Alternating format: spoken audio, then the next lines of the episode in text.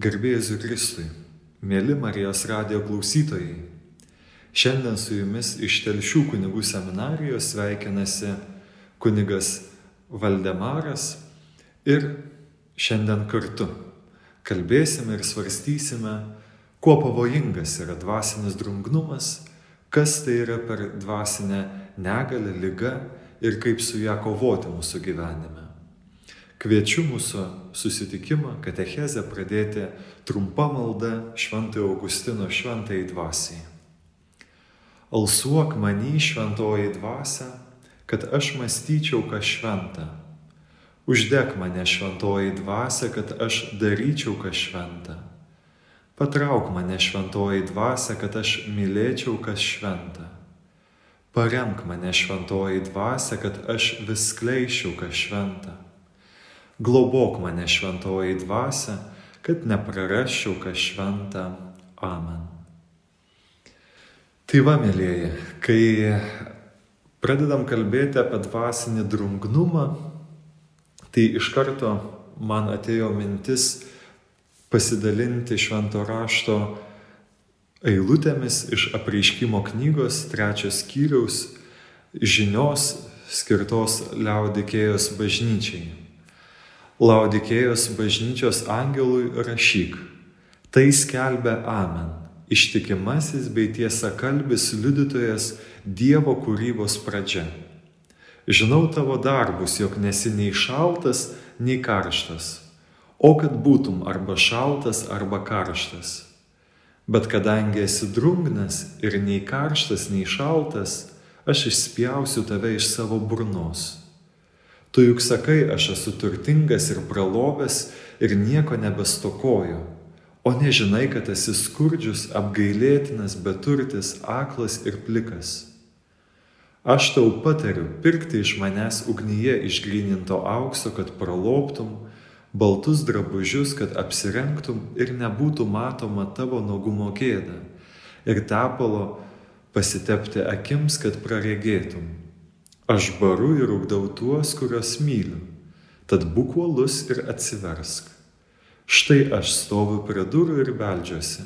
Jei kas išgirs mano balsą ir atvers duris, aš pasi užeisiu ir vakarieniausiu su juo, o jis su manimi.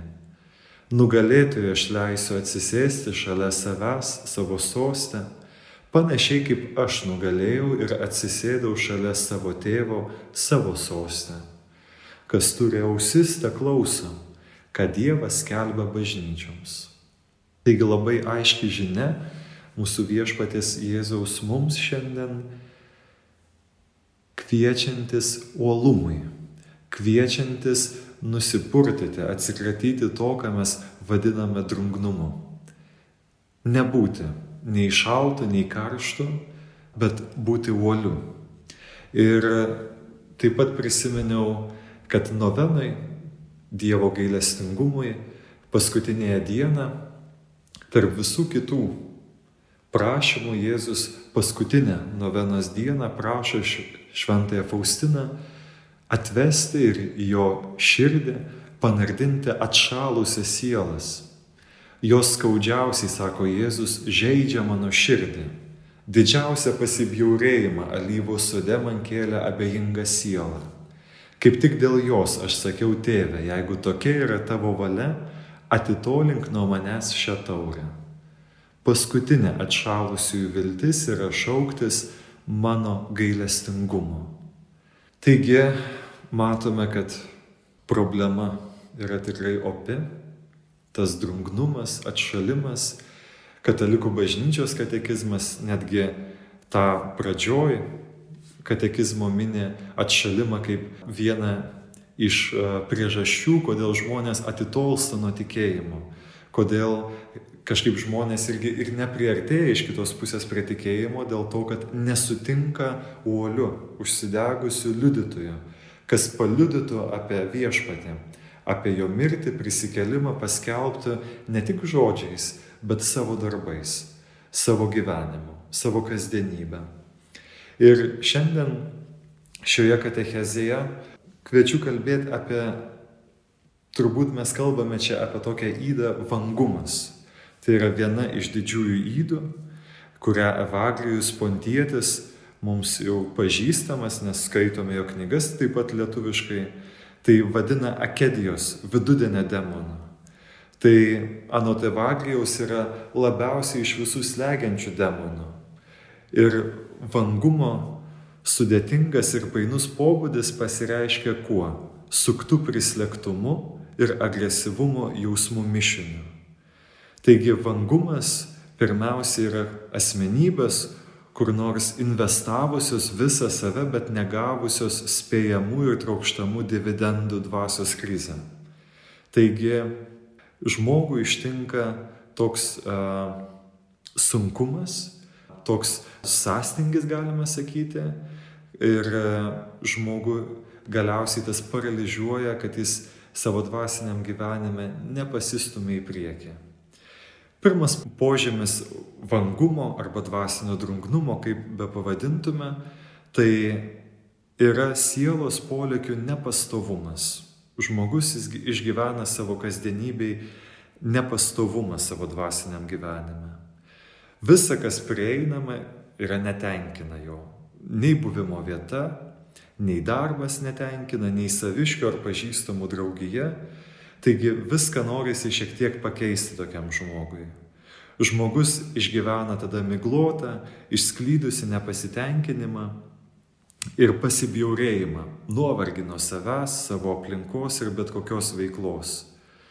Ir būdamas vienumoje, žmogus jau nebenustyksta vienoje vietoje.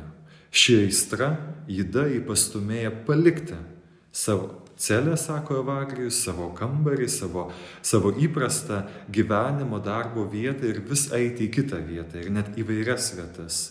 Ir kartais žmogus ima dikinėti ir, ir valkatauti. Tai reiškia eiti iš kampo iš, į kampą, nieko gero nenuveikiant, nieko tikslingo nenuveikiant. Ir dažniausiai toks žmogus ieško ryšių su kitais žmonėmis.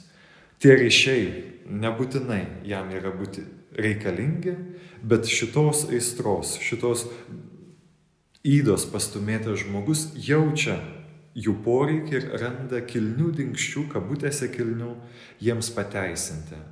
Tai jis mesga ir palaiko tuščius ryšius, puoselėja nenaudingus pokalbius, paprastai atspindi tik tai tas tuščias malsavimą. Taigi aplinkinių gera nuotaika tokį žmogų dažniausiai glumina, erzina, skatina viešai arba slaptai protestuoti. Tai vangaus niekas nepagodžia ir nepradžiugina. Jis nieko nesitikė ir niekuo netikė. Taigi nepastovumas, nuotaikų nepastovumas, vietos nepastovumas, santykių nepastovumas lydi dvasinį drungnumą. Iš kitos pusės galime kalbėti apie kitą požemį, taip pat dvasinio drungnumo, tai toks tingumas, sielos ir kūno galių sutrikimą, dėl kurio dažnai tokiam žmogui darbas atrodo neįveikiamas, pareigos per daug gausios ir jaučia visada didelį nuovargį. Ir kartu norą pačiam savo jėgomis susidoroti su šią būseną Taip pat slaptas susižavėjimas savo žygiais ir savo kilnumu. Tai būdingos tokiam žmogui tampa šios ypatybės - jėgų susilpnėjimas, tokio vyriškumo, tvirtumo praradimas, išglebimas, sustingimas, atsainumas, aplaidumas, mėguistumas, kūno sielos apsunkimas. Ir laikas slenka labai lietai, žmogus darosi neramus ima nemėgti savo vietos, nekesti savo gyvenimo, pavarksta nuo darbo ir jį ima slėgti mintis, jog jis niekam nerūpia. Tai akedija, galime apibendrintai pasakyti, irgi, kad nėra tik tai viena pagunda iš daugelio, bet tai pagunda, kuri kelia abejonę visą savo egzistenciją. Drąsiai galime pavadinti akediją, vangumą, didžiąją tapatybės krizę, kuris smarkiai sudrebina visako pagrindą. Ir kartais netgi tas dvasinis drungnumas gali vesti į įvairių elgesį, į tokį savidestrukcinį elgesį. Tai galutinis įdų taškas, galima sakyti, yra vangumas apimantis kitas įdas, ypač liūdės ir, ir pyktį. Jis siekia visos sielos ir stengiasi, galima sakyti, žmogų uždusinti, galima sakyti, kad jisai prarastų savo gyvybingumą, savo džiaugsmą. Ir dažniausiai toks žmogus bėga nuo maldos, bėga nuo Dievo garbinimo ir tarnystės kitiems žmonėms. Ir kartais Taip pat e, šis tingumas, drungnumas pasižymi gebėjimu dangstytis pilna įkarščio, tačiau neteisinga linkme nukreipta veikla. Taigi, matote, iš vienos pusės dvasinis drungnumas gali virsti tinginystę, nieko nedarimu, murmėjimu, bet iš kitos pusės galima linkti į kitą kraštutinumą, tai į karštlygišką veiklą. Nuolat dėl kažko nerimauju, klajoju ir nebūtinai mano yra darbas kažkoks, ne mano reikalas, bet aš būtinai ten įsikišiu. Taigi, matome, kad dvasinis drungnumas arba akedija, vidudienio demonas, vangumas neblogai pasidarbuoja žmonių širdise ir palieka dažniausiai didelį liūdėsi ir tuštumą. Kaip pasireiškia dvasinis drungnumas mūsų gyvenime, galime paklausti ir e, kaip jį atpažinti. Taigi dažniausiai tai būna perdata kliučių, kurios gali pasitaikyti baime. Toks žmogus jaučia pasibjaurėjimą visų tuo, kas reikalauja jo pastangų. Atsainumas laikantis Dievo įsakymų tvarkos, nuolatinis taip pat gerumo nebuvimas, pasirežimų nevykdymas, dikinėjimas, nepajėgumas atsilaikyti pagundoms, per ilgas lepinimasis miegu, gulėjimu ir visokių rušių malonumais, vaikščiojimas iš vietos į vietą, nerūpestingumas. Tokių žmonės dažnai užplūsta priešiškumas tiems, kurie dega uolumu ir tampa ne, pakenčiami dėl savo stropumo ir taisyklių laikymuose, eikvoja laiką, kuris, kaip žinome, yra mums tikrai didžiulė Dievo dovana kiekvieną dieną. Didžiulę laisvę suteikia toks žmogus savo pojūčiams, smalsumui, pramogų malonumui, naudojasi viskuo ir nelabai nesaikingai. Toks žmogus taip pat dažniausiai neįtin kruopščiai atlieka savo pareigas, užmiršta apie galutinį savo gyvenimo tikslą, įklimsta į priklausomybės, tokios sūniškos Dievo baimės praradimas lydi dvasinį drungnumą, žiaurumas, nejautrumas ir žinoma, kad nusiminimas. Kiekviena nuodėme ar įda, jinai tikrai neprideda mūsų gyvenimui prasmės, neprideda džiaugsmo jokio, bet tik tai atima iš mūsų, yra kaip vagis atimantis iš mūsų džiaugsmą, džiaugsmą gyvenimu ir, ir, ir savo veikla. Dabar kokios yra priežastis dvasinio drungnumo? Tai dažniausiai netikėjimas, o netikėjimas, kas tai yra? Jeigu tikėjimą mes įvardinam dažniausiai kaip santyki su Dievu, savo pokalbį su Dievu irgi, Tai netikėjimas tai reiškia prasideda nuo ko? Nuo to, kad palieku savo pokalbį su Dievu, nustoju kalbėti su Dievu.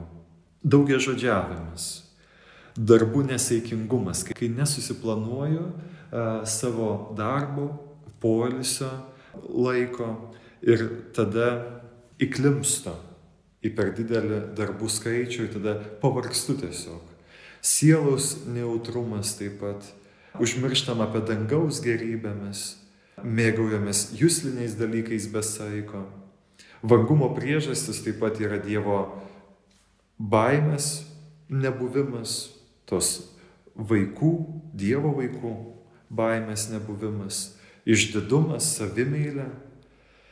Taip pat uh, perdėtas gilinimasis į save, į savo išgyvenimus, savo nesėkmes perdėtas gilinimasis į tai, ką daro kiti. Taigi nuolat žvilgčiojimas į save perdėtas ir perdėtas žvilgsnis taip pat į kitą. Ką daro, kaip daro. Nes nuolat jausime gyvenime dėl šito įtampą ir esame kviečiami tą įtampą, tą žvilgsnį, perdėtą žvilgsnį į save ir į kitą nugalėti savo žvilgsniu į Jėzų. Nuolat turime sustoti ir paklausti, ar ne per daug aš čia žvelgiu tik tai vien tik į savo poreikius ir ar tai nėra tik tai tuščias smalsumas ir, ir toks tuštybė, klimpimas į tuštybę. Dabar kaip dvasinis drungnumas užvaldo, galima sakyti, žmogų. Tai anot dvasingumo teologijos specialistų sakoma, kad kiekvieno kelio pradžioje žmogus ir pervertina save ir savo jėgas. Kai žmogus jau pradeda klimti į dvasinį drungnumą, tai dažniausiai jisai pervertina save. Auga jo ambicijos, mažėja klaidų ir nesėkmių baime, žmogus pradeda per daug pasitikėti savimi ir kuo jis labiau pasitikė savimi, tuo mažiau tada pasitikė Dievu. O pasitikėjimas savimi labiau negu Dievu tai yra puikybės požymis. Taigi sugrįžtam prie to, kad ir dvasinio drungnumo šitos įdos, vangumo įdos šaknis slypi kažkur puikybėje.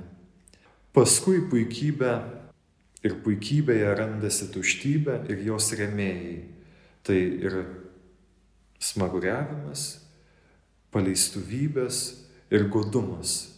Žmogus smunka vis žemiau savo įduose.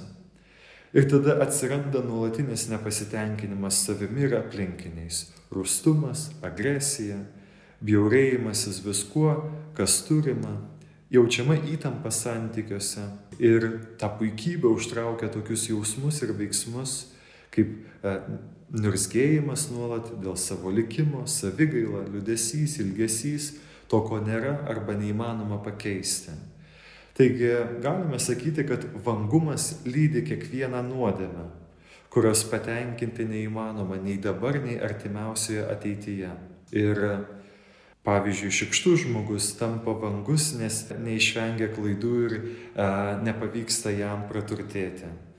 Tas, kuris mėgsta smaguriauti, sergantis, pavyzdžiui, cukriniu diabetu arba skrandžio opa, taps vangus dėl to, kad nebegali savo pilvo smaginti skonio įvairovę arba norimų maisto kiekių. Ta mums tokius pavyzdžius duoda dvasinio gyvenimo šulai. Ir galiausiai žmogus be paliovos gailisi savęs dėl savo aistrų ir paties sukurtų suiručių kaltina kitus ir nelemtas aplinkybės ir galiausiai pasiekia tokią ribą, kad žmogus jau nenori dėl nieko nei apgailėstauti, nei taisytis ir e, sekantis etapas gali būti, kad žmogus lieka ties tuo, kad tampa kaip toks ligonis, kuris mėgaujasi savo kentėjimais ir nenori būti išskirtas su savo kentėjimu ir dažniausiai mėgsta apkaltinti kitus nesupratingumu, ribotumu, nejautrumu ir pokalbiais e, su aplinkiniais iš dažniausiai būna nemalonus ir toks veidas perkreiptas tiesiog iš, iš tokios nelaimės, iš tokio nuovargio nuolatinio. Nėra malonu su tokiu žmogumi mums būti kartu. Ir toks žmogus dažniausiai gyvena su tokia paprasta ir vienaprasme nuotaika, pozicija. Aš taip ir žinojau, kad bus blogai. Jeigu kiti sako, gali būti geriau, tai dvasinį drungnumą išgyvenantis žmogus sako, aš taip ir žinojau, bus tik tai blogai ir bus blogiau. Ir jeigu jisai pats neranda kitose tos informacijos apie blogumus, kad kažkam nesiseka, tai toks žmogus tengiasi ieškoti, ieškoti, kam, kur kas nepasisekė ir sakyti, va, matai, visiems nesiseka, man nesiseka, tau nesiseka. Toks žmogus tikrai nespindi entuzijazmu arba, arba kažkokiu uolumu ir noru gyventi e, ir nelikti savo problemuose. Tai dabar, kaip mes galėtume įveikti tą dvasinį drungnumą? Taigi naikinti šią įdą mums padeda labai strėlinės maldos, tai nepaliaujamas mąstymas taip pat apie Dievą, kažkur einate, važiuojate, jaučiate, kad braunasi jūsų širdis nenoras kažkoks, atingumas. Nereiktų gilintis kodėl, bet tiesiog esame kaip tikinti žmonės nuolat gyventi Dievo akivaizdoje nuolat kalbėti su Dievu, kalbėti su mergelė Marija, su šventaisiais, Jėzau esi šalia, dėkoju tau, palaimink mano darbus, žvelk į mano širdį, kuri yra šiandien pavargusi galbūt. Taigi strėlinės maldas, trumpi atodusiai Dievui. Tuomet uh, kviečiamas toks žmogus, kuris nori kovoti su savo dvasiniu drungnumu, tai susilaikyti nuo tuščio žodžiavimo, nes ten išeikvojame pakankamai daug jėgų, kai nuolat kalbam be jokio tikslo, be prasmės, kad tik kalbėtume. Taip pat rankų darbas padeda mums įveikti dvasinį drungnumą. Tai kiekvienas galime atrasti kažkokį fizinį aktyvumą. Turbūt rankų darbas, tai čia mūsų laikais galime pavadinti sportu, nežinau, vaikščiojimu, bet pagal savo galimybės, kad kiekvienas pasirinktų ir atrastų kažkokį poilsį kūną, bet irgi, kad tai būtų aktyvus poilsis. Dievo žodžio skaitimas, klausimas, ypač Naujojo testamento. Dabar turime daug galimybių pasiekti Dievo žodį. E, turime Magnificat leidinius, turime vairiausias programėlės, kur galime klausytis Dievo žodžio. Tai Dievo žodis yra visada nepamainoma pagalba išgyventi Dievo artumą. Dievo žodis, jisai gydo mūsų širdį, jisai pripildo mus Dievo ir jo artumu ir nuolat turime neapleisti, kokią bejaustume pagundą Dievo žodžio neskaityti, neklausyti, tai nuolat turime siekti iš visų jėgų daryti priešingai, negu mūsų kartais vidus arba nusiteikimas sako. Taip pat žmonės, kurie išgyvena dvasinį drungnumą, yra kviečiami kantriai atkakliai maldai nepasiduoti, kad, nu, vat šiandien man nesinori melstis, tai ir nesimelsiu. Ne. Vis tiek lieku maldos laiką, kai pasiskiriu, tai aš lieku, pasilieku prie to. Nekeičiu maldos laiko, galiu pakeisti galbūt maldos kažkokį turinį, bet tą laiką, kurį trokštų dovanoti Dievui, tam, kad kalbėčiau su juo. Tai išlaikyti tą ritmą maldos, jokiais būdais išgyvenant tą dvasinį drungnumą, negalime apleisti savo pokalbio su Dievu. Taip pat kai kurie šventieji siūlo susimastyti apie mirtį, apie busimasias gerybės dangaus karalystėje ir suprasti, kad kiekviena akimirka yra unikali. Bažnyčios pamaldos, sakramentai, ypač išpažintis ir komunija. Jeigu matome, kad labai dažnai pasiduodame, tai eikime su ta nuostata, kad viešpats gydytų mus ir išpažinkime savo dvasinį drungnumą, savo vangumą, akediją, kaip tai be pavadinsite. Ir leiskite, kad viešpats per išpažinti, per priimamą komuniją gydytų jūsų širdį. Nes kartais tikrai ir dažniausiai nelabai žinosime priežasties, iš kur tas ateina. Jeigu mes palaikome einame į šventasias mišes, kas sekmadienį arba kasdien, jeigu melžiamės, jeigu skaitome Dievo žodį, galime dėl kažkokių priežasčių, gal kartais tik tai Dievui žinomų priežasčių išgyventi tokią sausrą, tą dvasinį drungnumą. Tai einu iš pažinties komunijos su, kaip vaikas prašydamas viešpate, žvelg, esu šiandien nepajėgus melstis kažką daryti, esu apsunkęs, Padėk man šiandien gyventi tavo dvasia, tavo artumoje. Taip pat, jeigu išgyvenate dvasinį drungnumą, tai labai taip pat padėtų pokalbis su kitu žmogumi. Apie tai, ką išgyvenate, apie savo išgyvenamus sunkumus ir toks pokalbis turėtų jūs irgi sustiprinti. Taip kaip apie kiekvieną nuodėmę įdą, jeigu mes kažkaip atskleidžiam ją ir pasakome garsiai, tai tas labai dažnai pasitraukia, jeigu tas ypatingai tame kažkokį turi savo pirštą įdėjęs piktasis, tai jeigu mes atskleidžiam tai į išorę, tai tas pasitraukia labai dažnai. Taigi pokalbis su žmonėmis, kurie yra apsti dvasios. Taip pat galim garsiai gėdoti mėgstamas giesmes, tas padeda mūsų drungnumą taip pat gydyti. Arba taip pat klausytis regališkojo choralo pavyzdžiui, muzikos, kuri kažkaip gaivina jūsų širdį.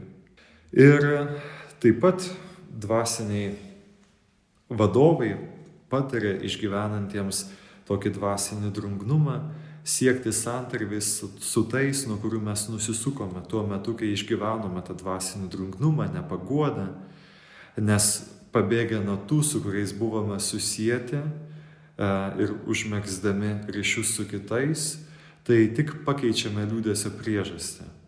Ir tuomet galės darbuotis nuolankumas, švelnumas, kantrybė, kai mes vis dėlto sugrįšime prie tų santykių, kuriuos mes turėjome ir praradome dėl dvasinio drungnumo. Taigi draugystė yra vaistas nuo dvasios mūsų liūdėsio. Kai esam prislėgti, tai žinoma, kad reikalinga ir kitų žmonių meilė, e, kitų žmonių artumas. Taigi depresiją jaučiantys žmonės dažnai patys praduria savo gelbėjimosi valtį ir tie, kurie išgyvena dvasinį drungnumą, tada, kai a, susitinka su kitu žmogumi, kuris jam yra mielas ir kalba, tiesiog praleidžia laiką kartu. Ir taip pat esame kviečiami kantriai ir vykdyti savo kasdienius įsipareigojimus, aukojant viską didesniai Dievo garbiai, stengiantis viską vykdyti Dievo akivaizdoj.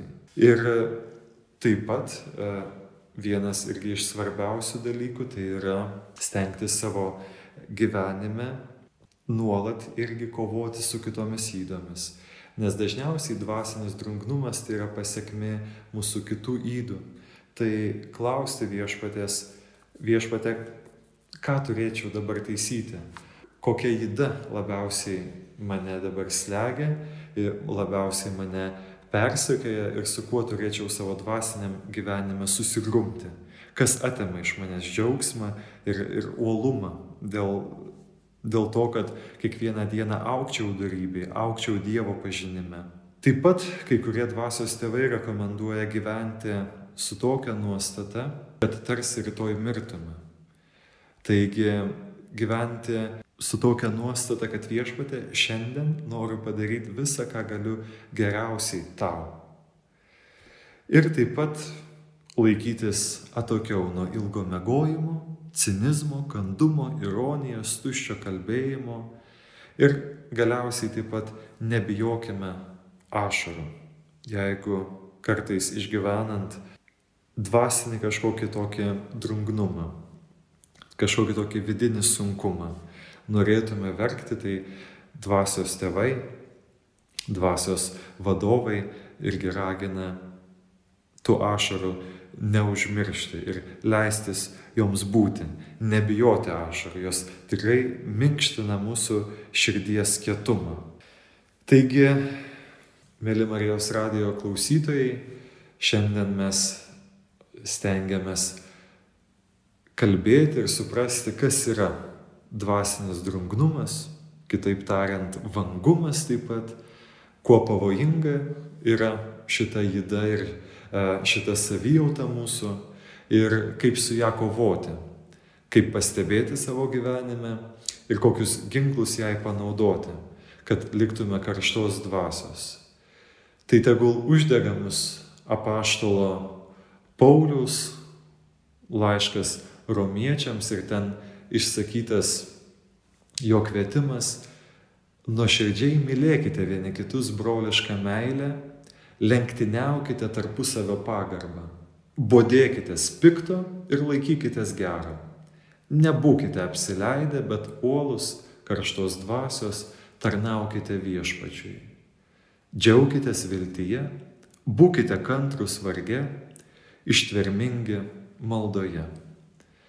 Baigime šį mūsų susitikimą apie dvasinį drungnumą trumpa malda, prašant, kad uolumas dėl viešpatės tikrai paliestų mūsų širdis, tam, kad kiekvieną dieną išgyventume kaip didžiausią ir nepakeičiamą dovaną, kurią skirtume mūsų artimui, kuris laukia taip pat iš mūsų dėmesio, pagalbos rankos, taip pat skirtume savo gyvenimą tam, kad Dievą pažintume, jam tarnautume ir kitus žmonės pas jį atvestume ir jam patikėtume.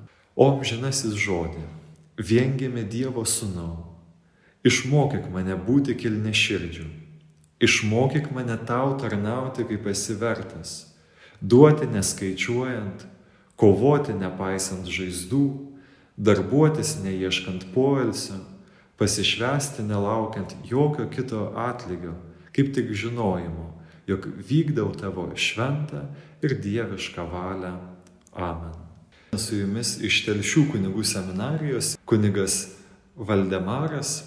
Dėkoju, mėly Marijos radijo klausytojai, už šį laiką, kurį galėjome skirti pokalbį apie dvasinį drungnumą ir linkiu nesusirgti šią dvasinę ligą, o susirgus nebijoti, bet tiesiog ieškoti Dievo artumo ir nepaliauti savo širdyje, savo lūpomis, nuolat kreiptis į jį. Viešpatė, tu myli mane, o aš pasitikiu tavimi. Garbėjai Jėzui Kristui.